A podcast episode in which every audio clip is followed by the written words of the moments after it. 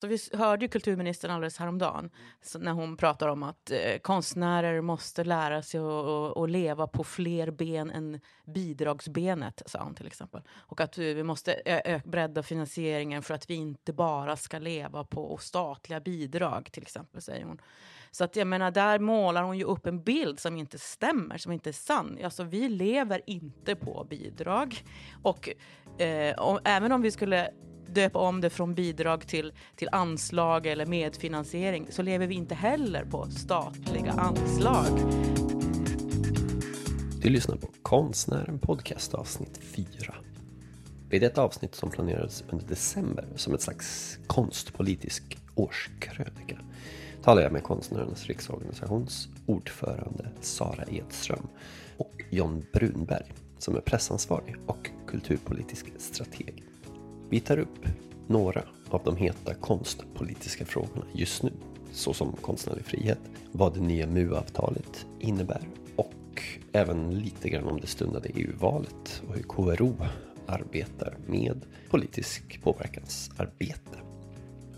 Det är både en tillbakablick över ett klart turbulent år, men också ett optimistiskt framåtblickande samtal med två av spindlarna i nätet för konstnärens riksorganisation.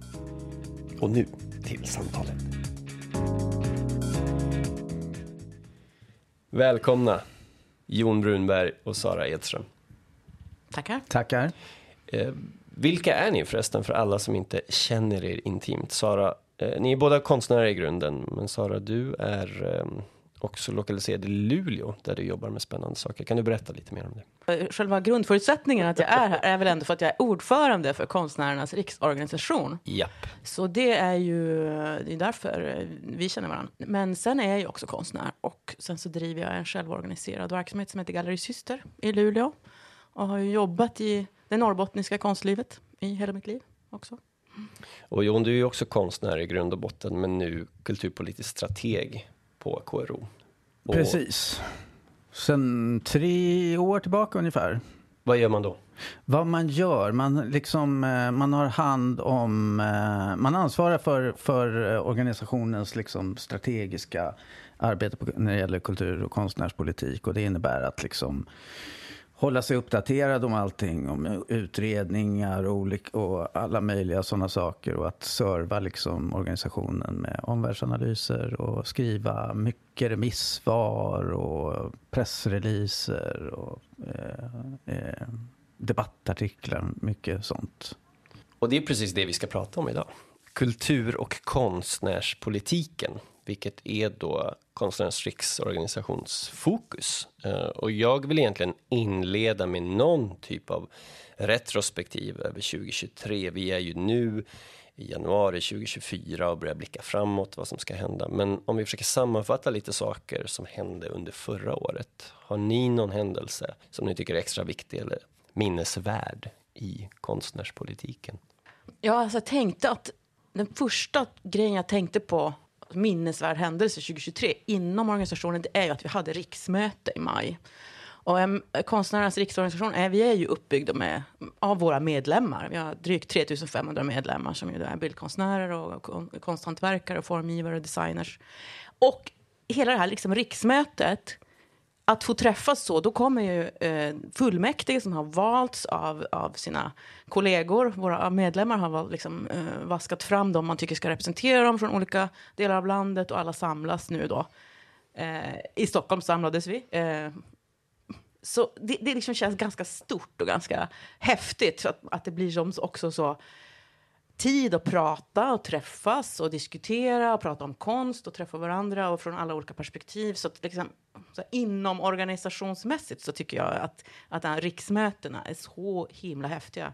Att, eh, att se på något vis hur demokratin fungerar och att vi gör det här tillsammans. Vi, vi, liksom, eh, vi driver ju konstnärspolitiskt eh, påverkansarbete, vi sitter här, vi jobbar med alla möjliga saker, men då blir det så himla påtagligt. Just det, det är det här vi gör tillsammans. Och, och eh, och dagen innan vi hade riksmöte så hade vi också det här seminariet som vi också hade mer fokus på, på, på just att vi pratade med varandra som, som konstnärer ofta när vi gör saker, så då bjuder vi in politiker som vi ska ställa till svars och vi ska diskutera konstpolitik på det viset. Men nu tänkte vi, när vi ändå samlas då allihopa från hela Sverige, så, så var det just det att, att vi vill prata om, om eh, liksom konsten och, och konstens eh, plats i samhället med varandra. Så det är liksom min största absoluta minne från 2023. Men det är jättespännande och det är en av få tillfällen då konstnärer, enbart konstnärer samlas i grupp, inte samlare och gallerister och kritiker och publik Exakt. och sådana saker. Vad är liksom, vad är stämningen i konstnärsgruppen? Hur, hur var det på riksmötet? Är det en optimistisk stämning inför framtiden? Ja, men det blir ju det, tycker jag. Att just för att man för att det, Jag är inte ensam om att känna att man plötsligt ser varandra när man sitter där. Och, och som sagt, förra, förra gången vi hade riksmöte, då var det pandemi, så då satt vi på Zoom, vilket, vilket fungerade också väldigt bra. Eh, det, det är också ganska bra, eh, för att det är väldigt lätt att, att, att vara med, även om man inte kan resa och sådär. Men, men att se varandra, liksom, det är inte bara jag som tycker att det är coolt. Att man faktiskt är där tillsammans. Vi var liksom på Hägerstensåsens medborgarhus och vi satt där i, tillsammans. Och, och sen att man har tid mellan, mellan eh, eh liksom det officiella mötet och så också och prata med varandra.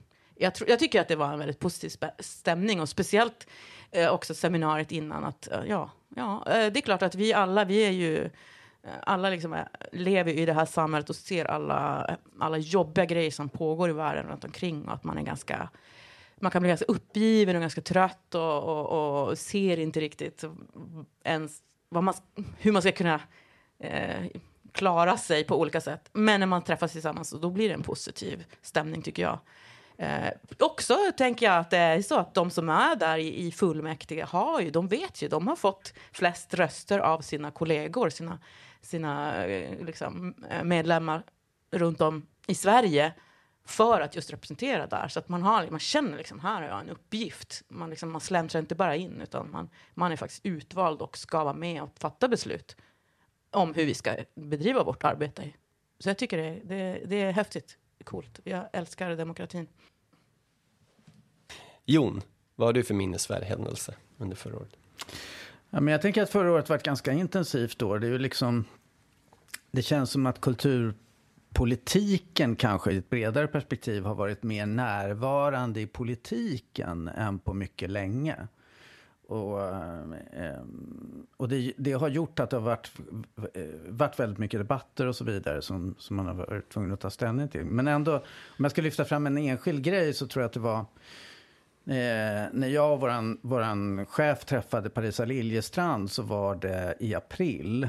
Så var det liksom ett slutpunkten på valkampanjen som jag hade jobbat med då i ett och ett halvt år. Det var liksom den sista punkten att lämna över det här. Vi hade gjort ett, ett pixelporträtt där liksom 400 medlemmar hade bidragit med varsin liten bild som blev ett porträtt på Parisa Liljestrand. Och så hade vi liksom ramat in det fint Eh, haft, hade namnunderskrifter och, ett, och det här eh, programmet som vi hade tagit fram och så lämnade vi över det till henne. För mig var det så här, det gick, det här liksom, det gick i, i lås. Vi gick i mål med den här ganska komplicerade kampanjen. Så den var ju minnesvärd. Och sen tycker jag att andra höjdpunkter för mig i mitt arbete har ju verkligen varit de här när vi Alltså när man samlas på de här kulturpolitiska konventen och politiska konventen och då är det Folk och kultur i Eskilstuna som är i februari varje år. Eh, där det, som är framförallt för tjänstepersoner som kommer från liksom, eh, men, men också politiker och organisationer som träffas på en, en, en massa eh, seminarier under, under tre dagar, eller fyra dagar är det väl. Eh, så det är ju liksom inte, och då är, står verkligen kulturpolitiken i fokus. Eh, och där brukar vi liksom vara med ett par, eh, ett par seminarier. Eh, och sen så finns det, och sen Almedalen som ju är i, i som man tänker, alltså van, det, man tänker i allmänhet när det gäller Almedalen så handlar det ju om, om liksom att partiledarna kommer dit och håller tal. Men där finns ju också liksom en kulturpolitisk scen som drivs av Svensk scenkonst. Eh, och en massa andra. Och det var väldigt mycket olika kulturpolitiska samtal där under eh, i somras. Så vi ansvarade för ett samtal där både Sara och jag var med och jag modererade som jag tyckte blev väldigt bra. Och som jag själv tyckte att ah, där hittade vi ett sätt att att diskutera konstnärspolitiken med politiker på scen, liksom, som, som jag tog med mig av. Så att det är liksom... Sen så har det ju varit en massa andra, Kultursamverkansutredningen har varit jättestort fokus under hela året och det har vi också jobbat med på en massa olika sätt. En sak som KRO har jobbat ganska mycket med och som jag tror kulturen i allmänhet varit rätt fokuserad på är ju konstnärlig frihet och yttrandefrihet i större grad. Och ett av seminarierna på Almedalen handlade om det och vi har gjort eh, andra saker. Jag har gjort ett nummer av, av konstnären kring det här. Vad är läget i era ögon kring konstnärlig frihet idag?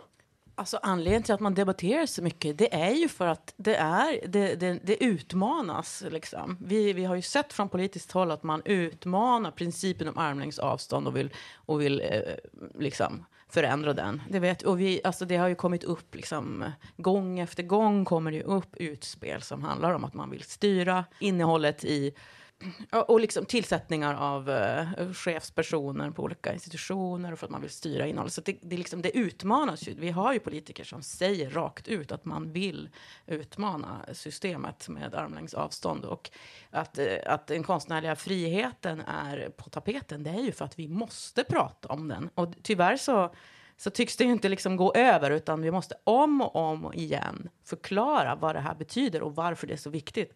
Och Eh, det, jag tycker ju att det har varit så att mm, det har, varit liksom en, det har tagits för givet, så att det är många andra politiker som kanske, som kanske egentligen värnar om principer, har inte slipat sina argument tillräckligt. Så vi hjälper till och försöker slipa argumenten och förklara varför, varför det är viktigt. Det är inte viktigt för att konstnärer ska, ska, ska liksom för, just bara för konstnärens skull, att den ska få skapa precis det den vill, utan det är för hela samhällets och demokratins skull det är viktigt att vi vill ha ett samhälle där, där eh, folk ska, ska kunna uttrycka sig fritt och utmana makten och så vidare. Så att det, det är ju tyvärr bara av nödtvång som vi måste prata om det här hela tiden.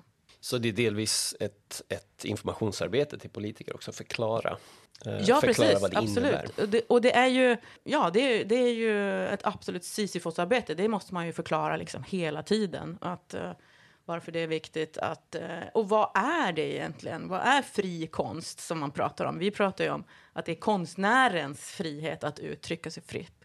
Uh, ofta, vi reagerar ofta på att, att man pratar om om konsten som att den liksom är någon sorts fritt svävande. Utan vi pratar ju hela tiden om konstnären. Det är konstnärens rättigheter och det är konstnärens frihet som, som är det viktiga. Alltså sen så är ju konstnärlig frihet är ju ett, en grundsten i på något sätt den kulturpolitik som vi har valt i Sverige. Eller, där vi säger att, att man ska ha en offentlig finansierad kultur som ska vara tillgänglig för alla medborgare. Eller liksom, i alla fall vara tillgänglig på brett tillgänglig. Och då behöver man finansiera kultur. Då, då hjälper också staten, eller staten liksom finansierar också kultur på det sättet. Men måste göra det på armlängds avstånd. Och vi har liksom valt den här modellen i Sverige. Och därför är det viktigt att liksom komma ihåg att det inte är ett, På det sättet så är det ju liksom inte ett eh, så är det, det är en annan aspekt så att säga av konstnärlig frihet också. Men när, det finns ju många olika grader av det och en, en aspekt av det är ju eh, armlängds avstånd som också är en, en relativt svåråtkomlig, eller vad man ska säga, svåråtkomligt begrepp kanske att förklara.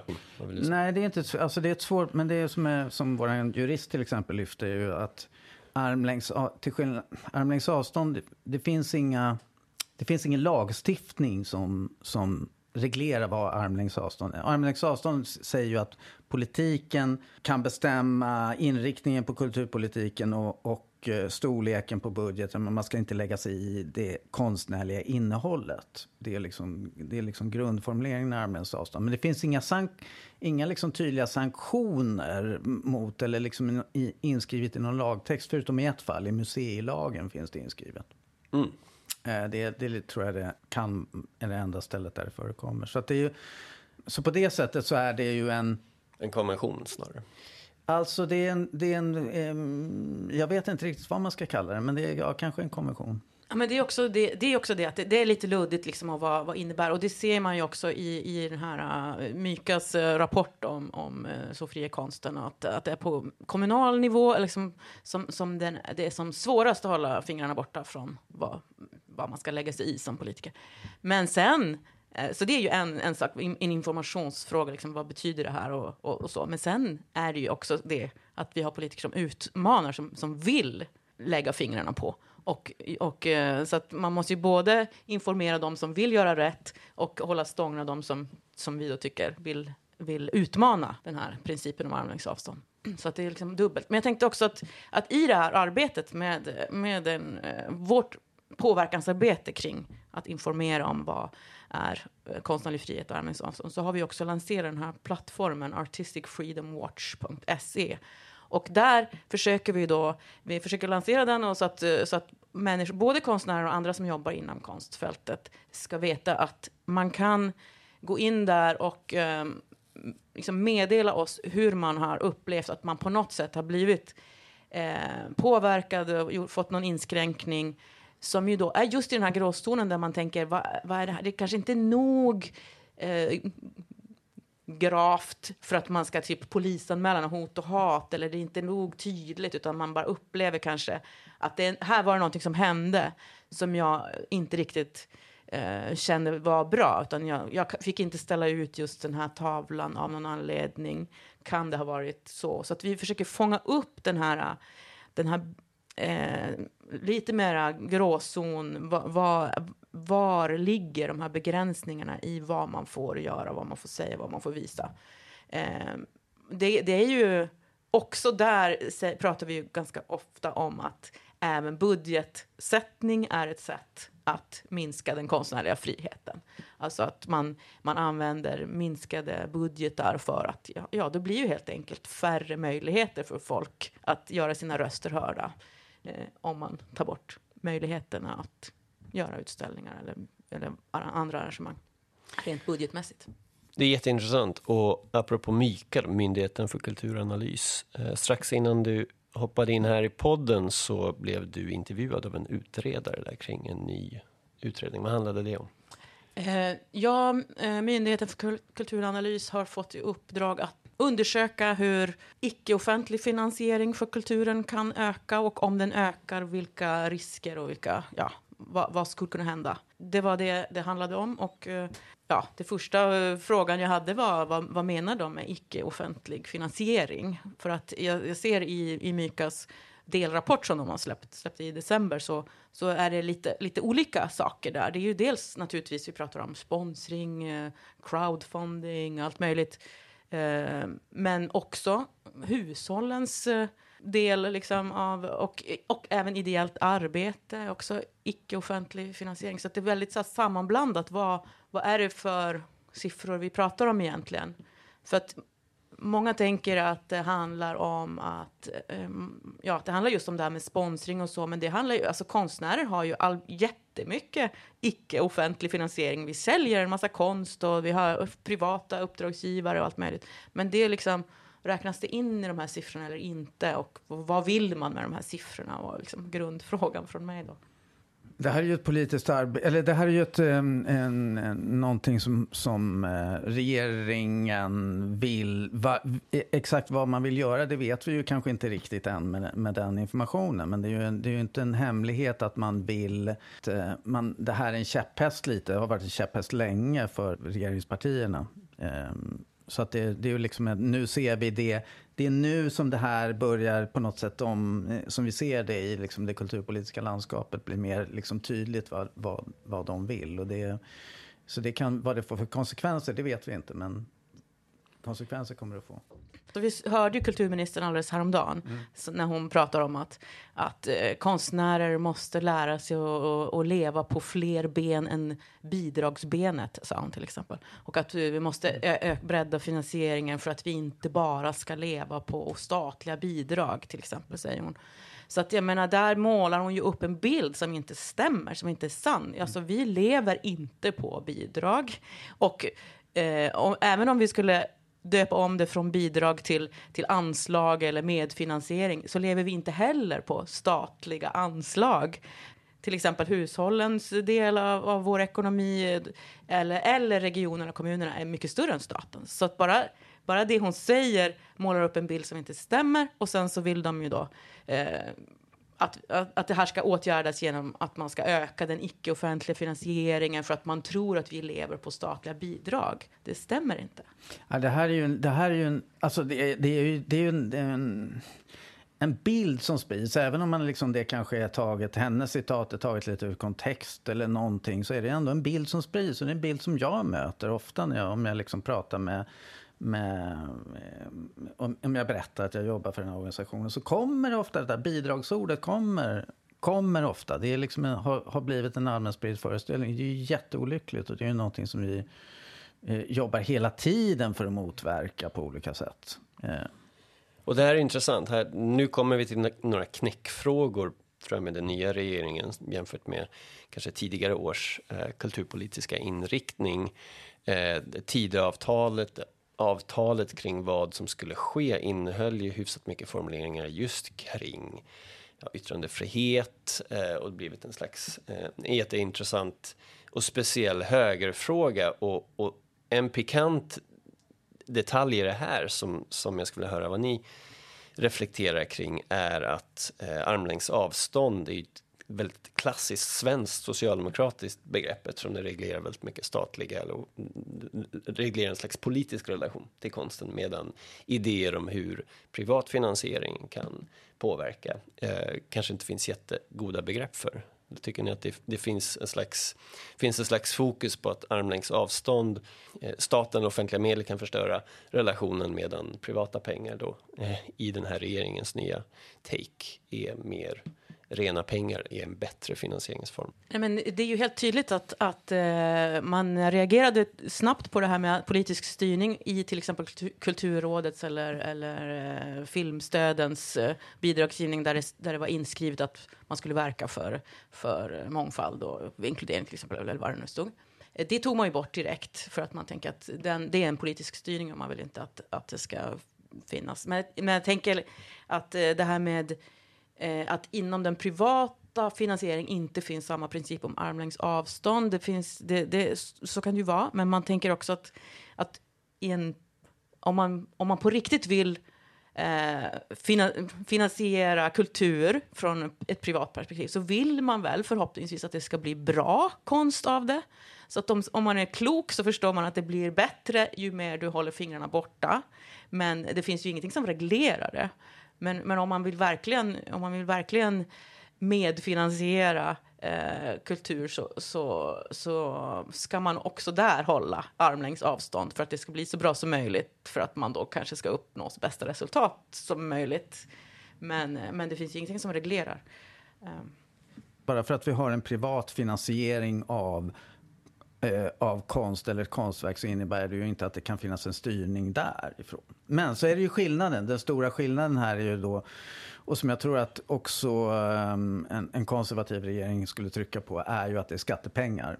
Eh, att det är skattemedel. Det är det som gör egentligen den stora skillnaden pre mellan privat och offentlig finansiering och som också blir som ett, eh, vad ska man säga, eh, ja. Förslaget om att till exempel effektivisera Kulturrådet och Konstnärsnämnden genom att slå mm. ihop de myndigheterna eh, kanske rimmar väl med den här idén om att statliga pengar måste effektiviseras. och det, det, är ju inte bara i, det är ju inte bara i, i kulturlivet där, utan man, eh, eh, som ju är den här myndighets... Eh, man vill gå fram Men med precis. den saxen. Alltså man tänker, liksom, just det där, sammanslagningen av Konstnärsnämnden och Kulturrådet, det kommer ju inte ur någon som helst analys av att det skulle vara bra för konstnärer, eller konstlivet eller kulturlivet överhuvudtaget, utan det kommer ju av en helt mycket mer generell liksom, typ slogan att man bara vi ska minska på liksom, myndighets-Sverige. Så det, det är ju därför också som man är så, eh, vi är så kritiska mot att, att det ska ja, de har ju fått det uppdraget nu, så, att, att, att, göra en sån sammanslagning. Men om det hade kommit ur någon sorts analys av att man säger här vi ser ett problem, hur ska vi lösa det? Ja, men det här kan vara ett sätt att lösa det. Då hade vi kunnat angripa det på ett annat sätt. Men nu, nu så, så känns det som att det, det, det är liksom lite taget ur luften. Det finns ingen som efterfrågar det. Det finns ingen, det finns, vi ser inga fördelar med att med att konstnärsnämnden ska slukas upp av Kulturrådet. Vi, vi är väldigt måna om att det ska finnas även inom den offentliga eh, finansieringen olika eh, institutioner som man kan vända sig till för att, för att eh, finansiera sina konstprojekt. Och Konstnärsnämnden är ju specifikt eh, ja, liksom, kunniga på den enskilda konstnärens eh, konstnärliga utveckling. Det är ju det som vi vill värna. Men jag skulle vilja vända blicken till kanske den största nyheten, tänker jag, eh, för, eh, i konstnärspolitiken för konstnärer, nya MU-avtalet mm. som klubbades igenom. Berätta mer om det. Eh, hur har arbetet med det gått? Ja, men det är ju, alltså det är ju otroligt eh, fint att, att vi har fått skriva under det här och att det har liksom gått igenom. Och det är ju det stora... Vi har ju levt med ett MU-avtal eh, som, som verkligen satt praxis. Att, det, att många det, det, nästan går nästan inte idag att göra en utställning och säga nej men vadå, vi betalar ingen utställningsersättning. För att alla vet om att det här finns, man ska betala enligt MU. Men nu har vi ju då ett nytt, eh, ännu bättre MU-avtal där det ännu tydligare fastställs att det här är branschpraxis. Vi har kommit överens med liksom branschens aktörer om att man ska följa det här. Man har ett ansvar att inte bara betala utställningsersättningen, som ju då lite grann har varit sen tidigare, att man har, det har varit lättare att beräkna och följa eh, tarifferna angående utställningsersättning. Om man frågar, följer ni MU-avtal så har folk sagt, ja det gör vi. Men om man granskar så ser man att de har inte varit så bra på medverkansersättningen, därför att den har varit lite svårare att beräkna. Nu är det här nya avtalet tydligare, att man, man, har, man skall avtala medverkansersättning. Eh, och vad, vad betyder det? Vad innehåller det? Så att man kommer liksom inte undan. Det, det här är, det ger bättre ersättningar till konstnärer. Och sen eh, ska ju det då nu eh, implementeras förstås och användas. Och, men jag tror att alla är överens om, alltså det, fin, det, det tidigare MU-avtalet har gjort att folk vet att det här finns, det är det här man ska följa. Eh, eh och nu blir det ännu tydligare. Så att eh, vi är väldigt, väldigt, eh, väldigt nöjda med det att det har skrivits på. Och en, bra, en sak som har varit bra tror jag i processen, vi har ju eh, haft, vår jurist Katarina Renman Claesson har ju varit med i liksom processen, det är ju att det har varit att det har tagits fram i samråd med ett antal branschaktörer som konstkonsulenterna. Jag, är inte, jag, jag, har inte hela listan i huvudet, men till exempel. Men det har funnits med folk från arrangörsledet, från, från, både från, eh, och, och, från olika nivåer. Så det är ju liksom en Eh, så det finns ett brett, eh, det finns liksom en, en, bred samsyn kring det här nya avtalet. Och det är ju liksom ett, ett, ett gott, eh, gott omen för att det också ska kunna antas som den branschpraxis som man vill att det ska vara. Eh. Finns det några siffror på hur många som hittills har följt med avtalet eller hur ofta? Kulturrådet gjorde en översyn 2021 och den är faktiskt jätteintressant för den visar att staten, staten är ju tvungen att följa eh, MU-avtalet. Regionerna är ganska bra, men de har otroligt få eh, utställningsplatser, utställningsrum. Det finns otroligt liksom, lite utställningsverksamhet. Medan kommunerna, som är de som... Eh, jag, jag, tror att de hade liksom 19 stycken, om jag inte minns fel så var det typ 19 stycken regionala utställningsrum som gjorde utställningar med samtidskonst. Och eh, eh, betydligt, alltså eh, upp mot eh, kanske 150-160 någonting kommunala. Och de eh, följde inte lika hög grad Alltså de, eh, de betalade utställningsersättningen, den här obligatoriska minimiersättningen som man får, men inte medverkansersättning. Alltså jag kommer inte ihåg de exakta siffrorna, men det kanske var hälften som betalade båda delarna. Så det är mycket sämre och i den ideella sektorn ännu sämre.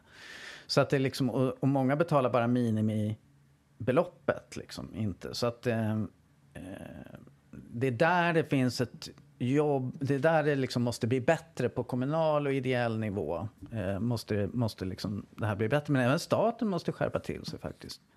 Och det här är, de, det här är på arrangörsled och politiskt ja. led. Hur ja. är det i konstnärskåren? Det här är också en ganska, det är en ganska nytt typ av avtal och det är en ny praxis även för konstnärer. Ja. Mm. Behöver de ha bättre koll på det här? Också? Nej, men det är ju, jag ja. tror att de allra flesta vet att det finns SMU-avtal och, och om man får en förfrågan att ställa ut någonstans så tror jag de allra flesta konstnärer vet att då, då ska man kolla eh, MU-avtalet och se vad man, kan, vad man kan faktiskt begära. Men sen är det ju så att, att vi vet, eh, alltså ansvaret för att förhandla, det, mm. det ligger väldigt tungt på den mm. enskilda konstnärens mm. Och om det är så, du, du, du måste eh, hålla det relevant, du måste göra utställningar, du får förfrågningar. Det, jag förstår absolut att man ibland går med på villkor som inte är de absolut ideala. Det är inte den enskilda konstnärens fel, eller man ska säga. Utan det är så, ibland så gör konstnärer eh, uppdrag med ersättningar som, som inte är tillräckliga. Men, men dels måste du göra det för att du måste hålla det relevant. Du måste göra det för att det är åtminstone någon inkomst.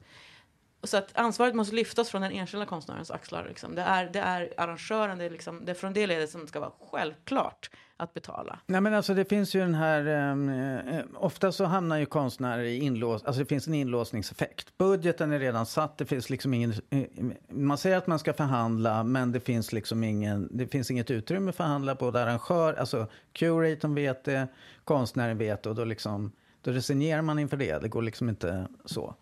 Så att det gäller ju att hitta då sätt att, det, budgeten måste ju upp. I, i, det måste ju hända någonting på politisk nivå liksom också i, i Framförallt på kommunal nivå tänker jag för att man liksom ska förstå att, att det här att man behöver skjuta till medel om man ska göra utställningar med professionell konst. Och då finns det exempel, mitt favoritexempel är Göteborgs stad där man har gjort ett ett arbete för att kartlägga hur mycket som fattas i budgeten för att man ska kunna betala skäliga ersättningar. Man har gjort ett riktigt bra jobb med det här och man har satt det som en nyckeltal till politiken och sagt att det saknas 15 procent. Vi behöver 2 miljoner till för att kunna täcka upp eh, eller jag tror att det är 2 miljoner. Det saknas 2 miljoner för att vi ska kunna betala hållbara ersättningar enligt de mål som vi själva har satt. Och politiken har sagt, fine, men vi har inte de pengarna just nu. Eh, så, eller ungefär, jag raljerar lite, mm. men det är ungefär så. Men man har ändå gjort det. Jag tycker det är ett fantastiskt jobb som de har gjort, att de har liksom fått igenom det här och kunna sätta liksom en bild på. Så här mycket saknas det för att vi ska kunna betala det som konstnärerna ska ha. Liksom.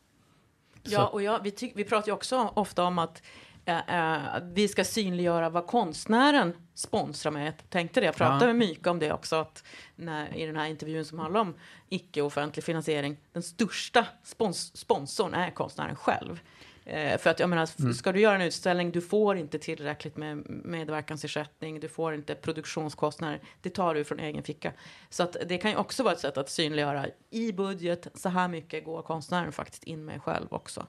Uh, och den, uh, men, men just det fallet som i Västra Götaland som du pratar om, det är ju så, det är så bra för där är det ju, då finns det ju en ambition. Ja, Göteborgs vi ser, stad. Göteborgs för, stad, för, förlåt. Mm. Uh, där finns en ambition, man ser det här gapet och man säger hur ska vi, hur ska vi till slut mm. krym, krympa det så att vi, vi betalar mm. korrekt. Så att man verkligen använder det som ett medel.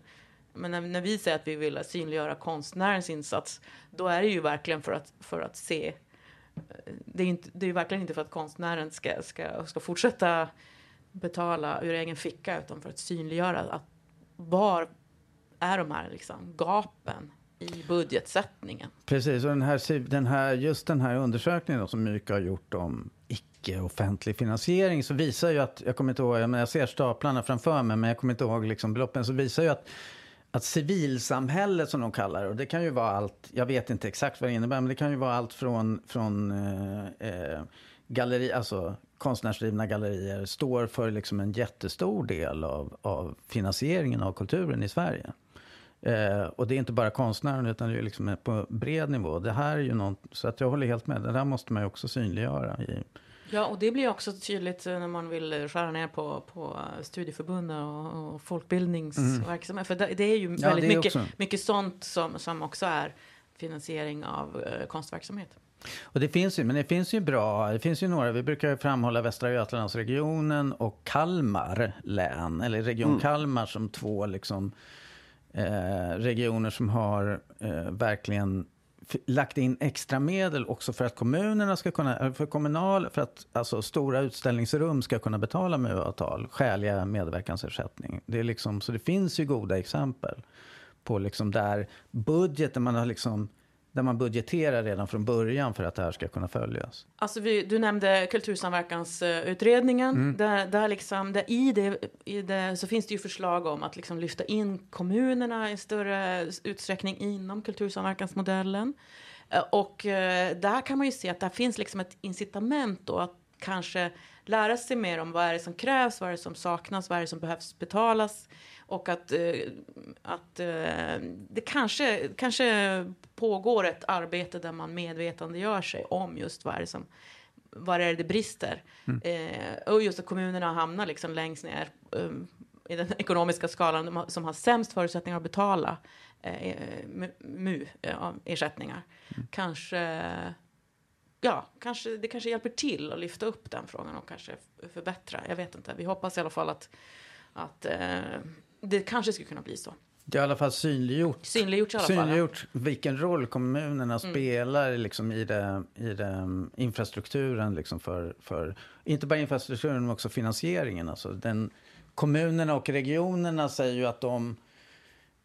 Eh, det är tydligt då, så länge som kultursamverkansmodellen har funnits, att de pytsar in, har pytsat in mer pengar, de har blivit mer mm. medvetna, de jobbar mer strukturerat med kulturen. Eh, men, eh, och finansierar den i högre grad. Men staten följer inte riktigt med. Så att det hänger inte med på det. Så att det är liksom... Eh, mm. Så där, det, det finns ju, den, är, den tycker jag Kultursamverkansutredningen har ju precis gått på remiss. Vi ska skriva remissvar. Och vi har ju liksom hållit på och, och bearbetat ut, eller liksom försökt påverka utredningen på olika sätt och utredningen också efterfrågat vår expertis. Så att det är ju liksom, det här kan förändra också hela hur konsten och kulturen för, eh, finansieras i Sverige. Alltså i, utanför den statliga, alltså regionala och kommunala budgetar. Så det är liksom också en vik, jätteviktig utredning att hålla, hålla och där, ögonen på. Liksom, där har vi ju också tagit tillfället i akt att lyfta hur eh, just bildkonsten är väldigt väldigt missgynnad ja. inom kultursamverkansmodellen mm. som det ser liksom, ut. Att vi har mm. så otroligt liten del av den mm. kakan. För det är ju liksom mm. statliga pengar som går till regionerna och regionerna har självbestämmande kring hur, hur man ska använda de pengarna. Och där har det blivit så att, att eh, bildkonsten får 1,3 procent av Lite hur man räknar. Men, Lite, ja. ja. men i alla fall, vi har liksom tänkt att ja, förhoppningsvis då i och med att det kommer upp på bordet i och med den här utredningen så finns det också möjlighet att, att korrigera det så att det mm. verkligen blir så att att det finns, eh, man, man ska ha tillgång till bildkonst eh, i, i, regionen också. Å andra sidan då, det som är liksom, finns risker med är ju till exempel att man vill öppna, det som är lite av problemet med kulturpolitiken just nu skulle jag säga, eller liksom en stor en risk är ju att man vill öppna för en massa annan verksamhet som kanske inte är, nödvändigtvis är renodlad professionell eh, konstverksamhet i bred bemärkelse. Det vill säga, i, i den här kultursamverkansutredningen finns också förslaget att det har man ju sju, man ger ju eh, statsbidrag till sju olika områden. Så här, scen, eh, scenkonst, bild och form, museiverksamhet etc. etc. Men nu vill man kunna öppna upp det då för också för annan kulturell verksamhet. Vilket, vad kan det vara? Ja, alltså, det är ju en, det, det, det kan vara en Pandoras ask att öppna upp för sånt. Så det, är liksom, det här är någonting som, som kommer att sjö, sjösätta, eller liksom som vi kommer att behöva bevaka eh, faktiskt under kommande år. Tänker jag. Och liksom, vi har ju också varit ute med debatt, regionala debattartiklar nu i, bara för eh, innan jul här. Eh, då, tror jag, det var väl innan jul. Jo. Mm. Eh, som har publicerats i sju, åtta liksom, eh, lokaltidningar sådär, som, ja, om det här. Så att vi försöker liksom påverka det här på olika sätt. Jag ska vända nu blicken framåt. Vi är drygt en månad kvar till årets upplaga av Folk och kultur. Den stora kulturpolitiska mm. konferensen. Vad kommer hända där? Vad, är det något ni ser fram emot speciellt? Eh, vi kommer ju ha två egna programpunkter och eh, en en programpunkt tillsammans med Bildkonst Sverige som ju eh, representerar arrangörerna. Eh, så vi kommer att, våran egen, våran, vi kommer att presentera, lansera den här branschrapporten som vi gör vartannat år, konstbranschen i siffror, som, eh, ehm, som ju eh, för, eh, försöker samla upp statistik om, om, eh, om konstbranschen. Och sen så kommer vi ha ett samtal där både Sara och jag är med i, där vi eh, kommer att prata om konstnärspolitikens framtid i samhället. Mm. Alltså där vi har bjudit in Moderaternas kulturpolitiska talesperson i riksdagen, eh, Socialdemokraternas kulturpolitiska talesperson Leila Lavenredar och Kristina Axén Olin och en ganska ung eh, konstpolit, eh, eh, akademiker som heter Sofia Lindström Sol som eh, har skrivit mycket om kulturpolitik. Och sen så har vi då det här gemensamma med eh, Bildkonst Sverige kommer att handla om kultursamverkansmodellen. Det kommer att vara fokuserat på just kultursamverkansmodellen. Och där har vi också politiker med. Eh, eh, eh två stycken och eh, också någon, ja, jag kommer inte ihåg exakt alla namnen där men mm.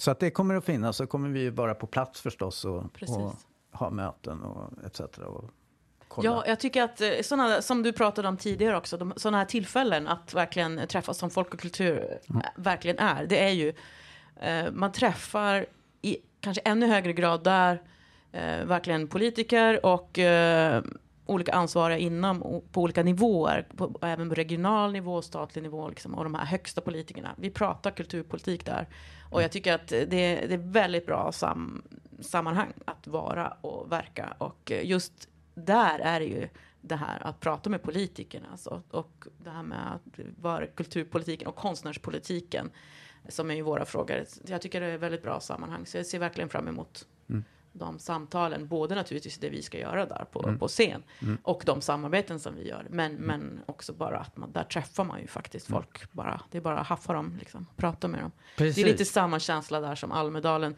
fast där är det ju mycket, mycket mer utspritt för att det är liksom ja. alla möjliga liksom. Ja. Och hela tiden man, bara, man blir helt förvirrad för att mm. hinna med allting. Mm. Men äh, folk och kultur är väldigt, väldigt koncentrerat. Och jag tänker ett, ett annat sånt där sammanhang, det är ju samtidskonstdagarna. Där är det ännu mer fokuserat på just våra frågor. Mm. Mm. där man verkligen träffar folk och mm. utbyter eh, kunskap och erfarenheter och får ansikten på folk som, som man behöver prata med. Sådana tillfällen är superviktiga. Och sen finns det ju, alltså vi har ju pratat om att kanske vara, äh, äh, att vara med på bok och bibliotek i någon form eller sådär. alltså det finns ju Eh, några sådana. Men, men jag tycker att folk och kultur har verkligen utvecklats till att bli en, en liksom, det är den platsen. Eh, jag antar att man hade Folk och Försvar som, som liksom, eh, eh, att man tänkte på dem. Men det har blivit verkligen platsen. Det här, det, det här är det stora kulturpolitiska konventet eh, i Sverige. Ja, ibland kan det ju kännas lite eh, ibland känns det lite tröstlöst att man känner att vi bara vi säger samma sak om och om igen. Vi säger det här med konstnärlig frihet, vi säger pratar om konstnärens villkor, vi pratar om att liksom, vi ska ha samma rättigheter som andra människor i samhället, att uh, ta del av trygghetssystemen, vi pratar om samma sak om och om igen. Men det är ju så här det bara är så här det politiska liksom, arbetet ser ut. Och det är hela tiden nya människor på nya poster och vi röstar fram olika nya politiker ja. och vi måste bara, vi bara tjatar liksom ja. bara hela, hela, hela tiden. Och det är ju någon som har, har sagt också, jag kommer inte ihåg vem, men det är liksom, jag har läst någonstans att eh, att man brukar säga polit, politik är ditten och dattens konst och, och sådär. Men, men så är det någon som har sagt politik det är tjatandets konst. Alltså att man måste, det är så det går till. Man liksom ham, ja. man får liksom, eh, mm. eh, det, man, enträgen, eh, enträgen vinner. Så att, eh, ja. Så, eh. Ja, men jag ser också, när jag tänkte när jag började jobba med, med eh, KRO så, så, så, tänkte jag nog att det skulle vara mera kanske att det skulle vara ännu mer så här att man skulle liksom fightas med politiker som, som man tycker olika om. Men, men de allra, allra flesta vill ju liksom ha kunskap för att kunna fatta rätt beslut. Det är vi som förser dem med den kunskapen. Som, det här, de här besluten tycker vi att ni ska fatta för att göra, göra villkoren bättre för, för konstnärer. Eller de här konsekvenserna ser vi om ni fattar de där besluten som ni håller på att fiffla på där. Så att vi liksom förser dem med fakta. För att hur ska de kunna veta? Det är ju det är helt enkelt eh, bara... Det är bara vi som vet hur det är att jobba som konstnär. Det vet inte ens konstnärsnämnden eller konst, det är bara vi som vet det för att, för att det är en så pass brokig, konstig liksom, arbetsmarknad så att, så att det är vi som är experterna på det. Och då förser vi dem med rätt information så de ska, åtminstone om de vill, kunna fatta rätt beslut. Sen som sagt finns det ju vissa då, som, som inte vill oss väl. man ska säga. Och då måste vi försöka övertala dem. Men, men till största del tycker jag det handlar om det. Att politikerna, vilken, vilken ideologi man än har, vill ha kunskap från oss. Och det är det vi ska förse dem med. Precis. Vi, inte, det är en, eh, eh, vi håller ju på med politisk påverkan på massa olika sätt. Det är ju liksom en, eh, en, en, en, bred arsenal av liksom, eh, metoder och så. Jag menar det här med att skriva remissvar är jätteviktigt för det måste, man måste läsa. Får man, skickar man en remiss till en, till en myndighet på en utredning till exempel eller till liksom ett, ett departement så måste de läsa den. Eh, och ta, liksom, eh, ta, på något sätt ta in det och tänket eller liksom plocka ut värdefulla delar. Och det blir offentlig handling. Liksom, saker och ting blir offentlig handling. Man behöver inte alltid, man kan ta fördel av att av en fråga som kanske inte verkar ligga nära oss men som, som eh, man kan liksom försöka peta in sina... Eh, och det här med debattartiklar och bara och ibland ta politikermöten som är ganska förutsättningslösa, diskutera vissa specifika frågor eller liksom eh, eh, eh, och hela tiden. Men det är ju ett, det är ett ganska omfattande arbete att hålla på med det här liksom är ju eh, så. Ja, och det har ju varit väldigt stora grejer. Ja. Alltså det har varit DSM-direktivet och det har varit SGI-utredningen där vi också suttit i referensgrupp. Berätta lite om dem. Vad, vad alltså är jag DSM tycker, och jag tycker, SGI? Ja, DSM det står ju för Digital Single Market eller vad det står för. Men alltså det, det handlar ju om våra upphovsrättsliga ersättningar och avtal med liksom, det, det består av flera olika delar som, som i teorin då skulle förbättra våra, våra möjligheter att få inkomster från eh, du vet, icke-materiella, eh, alltså på internet. Användandet av våra bilder till exempel. Eh, så det, men den, den, är ju, den har vi ju liksom suttit också och, och lusläst och kommenterat och, och eh, kommit med remissvar på den och den håller ju på att implementeras nu för att det ska bli på bästa sätt. Och så måste man då utreda, eller liksom utröna, blev det bra eller dåligt? På vilket sätt implementeras det här i Sverige? Eh, hur ska vi kunna påverka så att det blir bättre? Men det stora som, som jag har varit mer inblandad i själv, det är ju SGI-utredningen som ju handlar om hur vi som, som eh, kon, konstnärer, men jag menar även andra som jobbar med, med till exempel den här kombinatörsekonomin, att man är både anställd ibland och egenföretagare ibland hur man ska kunna få del av sjukpenningsystemet helt enkelt. Och det har ju verkligen de allra flesta konstnärer inte haft tillgång till överhuvudtaget för att det har varit så krångligt att, att beräkna ens, eh, alltså fastställa ens SGI på, på de inkomster man har. Man var tvungen att välja om man ska beräkna det på sin, på sin eh, inkomst från anställning eller från, från eh, sitt företagande som konstnär. Men Utredningen föreslår ju en kombination. Man ska kunna räkna ihop sina, sina, alla sina olika inkomster. Man ska kunna räkna historiskt vad man har haft för inkomster bakåt. Och den stora grejen är, som, som föreslår är ju att de statliga konstnärsstipendierna ska vara sjukpenninggrundande. För det, det, ser vi ju har varit ett stort problem. Att om man har levt på stipendier så, så, så står det liksom i papperna att du har haft noll inkomst. Eh, vilket ju kan ge ödesdigra konsekvenser om du då blir sjuk förälder. Eh, men också att, eh, liksom, att eh, eh, under pandemin eh, så var ett sätt att stödja konstnärskåren för att vi skulle hålla oss eh, flytande under pandemin var ju att öka stipendierna. Och där såg man ju då, det blev ännu tydligare att det var ännu fler som blev potentiellt drabbade av det här. Så att det blev så väldigt liksom, tydligt att, att just stipendiesystemet som vi har, det måste liksom inkluderas i beräkningen av ens inkomst för att det, det ger sådana extremt svåra konsekvenser för de som då, ja, om det skulle hända något eller som, som sagt, man blir förälder mitt i det där, då har man ju noll eh, SGI. Så utredningen föreslår att de eh, statliga eh, konstnärsstipendierna ska vara SGI-grundande och eh, också då eh, fortsätta vara skattefria. För att annars skulle det ju bli att det blir som en form av inkomst, du betalar, måste betala skatt på det och då minskar ju stipendierna eh, om, man inte, om det inte tillförs mer pengar och det gör det ju inte. Så att därför föreslår mm. utredningen att, att det är ett system där de ska fortsätta vara skattefria men ändå ligga SGI-grunden.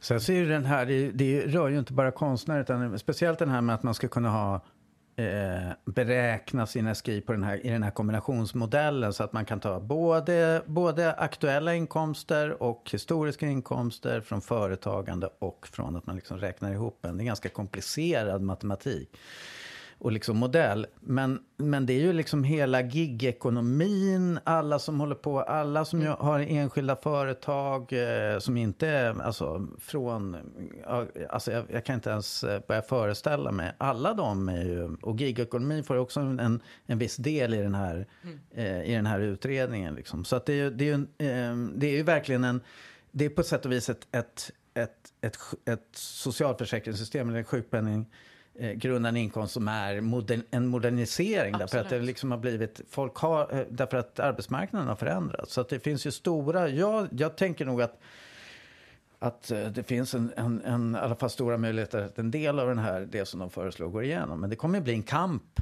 fortsatt en kamp för att liksom se till att det att det, att det genomförs. Och bara för att det har gjorts en utredning så innebär ju inte det att det blir så. Utan det kan ju kastas i papperskorgen, så att säga. Så det måste Precis. vi också fightas för. Exakt, så att vi sitter ju både då, försöker påverka innan. Mm. Vi har ju jobbat i jag menar, hur många år som helst för att få till att det ska liksom bli en utredning överhuvudtaget. Och sen under utredningens gång så är vi med och, och påverkar i referensgrupp och sen då nu efteråt påverka liksom, så att politikerna ska fatta rätt beslut, att, att det, verkligen ska, det som vi tycker då är bra ska genomföras. Så att det, det är ju en väldigt, väldigt lång politisk process som, som um, man måste liksom hålla i och hålla ut.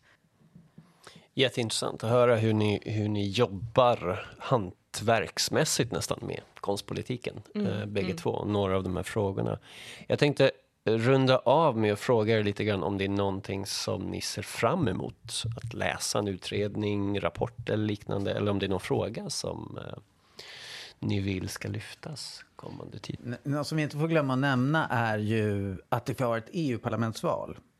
EU-frågorna är en sån där, det är en sån här, såna frågor som vi bassar, det, de, de hamnar lätt utanför blickfånget i allt, i hela det här flödet av information som men det kommer ett EU-parlamentsval och det kan... Eh, så det, där kommer vi göra en del, del insatser. Och det är ju ganska... För mig är det ganska eh, nytt, så det kommer också bli rätt spännande att lära sig mer om EU-politik. Vi har redan haft lite så här internutbildning om, om EU, eh, hur man påverkar i, i liksom EU. Ja, precis. Och det, det, tänkte jag också att jag ville nämna att det är ju intressant. Alltså, vi, är ju, vi är ju mer och mer engagerade i, i eh, den internationella konstnärspolitiken i och med att, eh, att jag sitter också i International Association of Art Europes styrelse som vice ordförande och Sofia de la Fuente som är också med i KRO-styrelsen, hon sitter också i världsstyrelsen för den internationella konstorganisationen. Och i, i det sammanhanget, speciellt i det här europeiska sammanhanget naturligtvis, då är vi också um, att vi, vi gemensamt där jobbar med på den e EU-nivå, också via något som heter Culture Action Europe som är liksom en en organisation som, som jobbar för att eh, kulturfrågorna ska lyftas inom EU. Så där är vi, liksom, vi har liksom tagit ett beslut att vi ska försöka kliva in ännu tydligare i de strukturerna och, och som Jon säger, och lära oss också om, om eh, de, den här eh, lobbying på EU-nivå. Vilken, I vilket skede går man in och vem är det man ska försöka påverka? Och även där sitter vi ju också i... Men nu sitter vår jurist Katarina Renman Claesson som expert i, i, i den här uh, mönsterskyddsutredningen som också på EU-nivå. Där liksom, där vi, så att vi jobbar ju väldigt aktivt uh, så mycket vi kan på den nivån också. Men alltså, det kanske låter som att vi är typ 400 pers som jobbar här. Men vi har en styrelse, ja det är jättebra, och sen har vi ett kansli och vi, vi är bara en handfull personer här.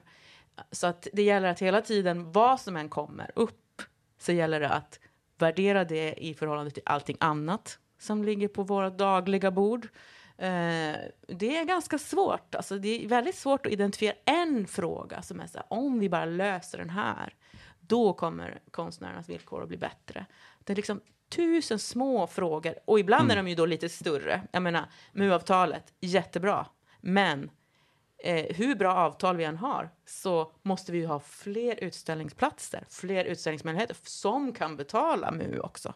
Så att det liksom, all, på alla nivåer så, så måste vi... Ja, så, så det, är, alltså, det är väldigt, väldigt många, många frågor som berör vår arbetsmarknad.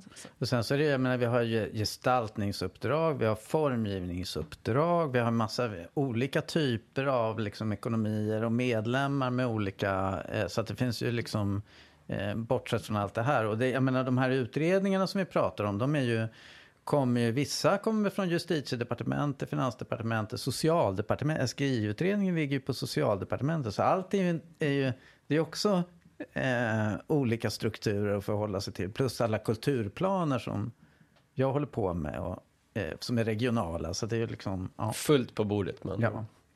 Och eh, om drygt två veckor så anordnar vi ett eh, seminarium kring AI och frågorna som det presenterar för konstnärer, upphovsrätt och väldigt mycket annat. Och tecknarna är ett förbund som har varit väldigt aktiva där. Så att det, det finns massor med framtidsfrågor som vi nog får tillfälle att träffas igen och diskutera.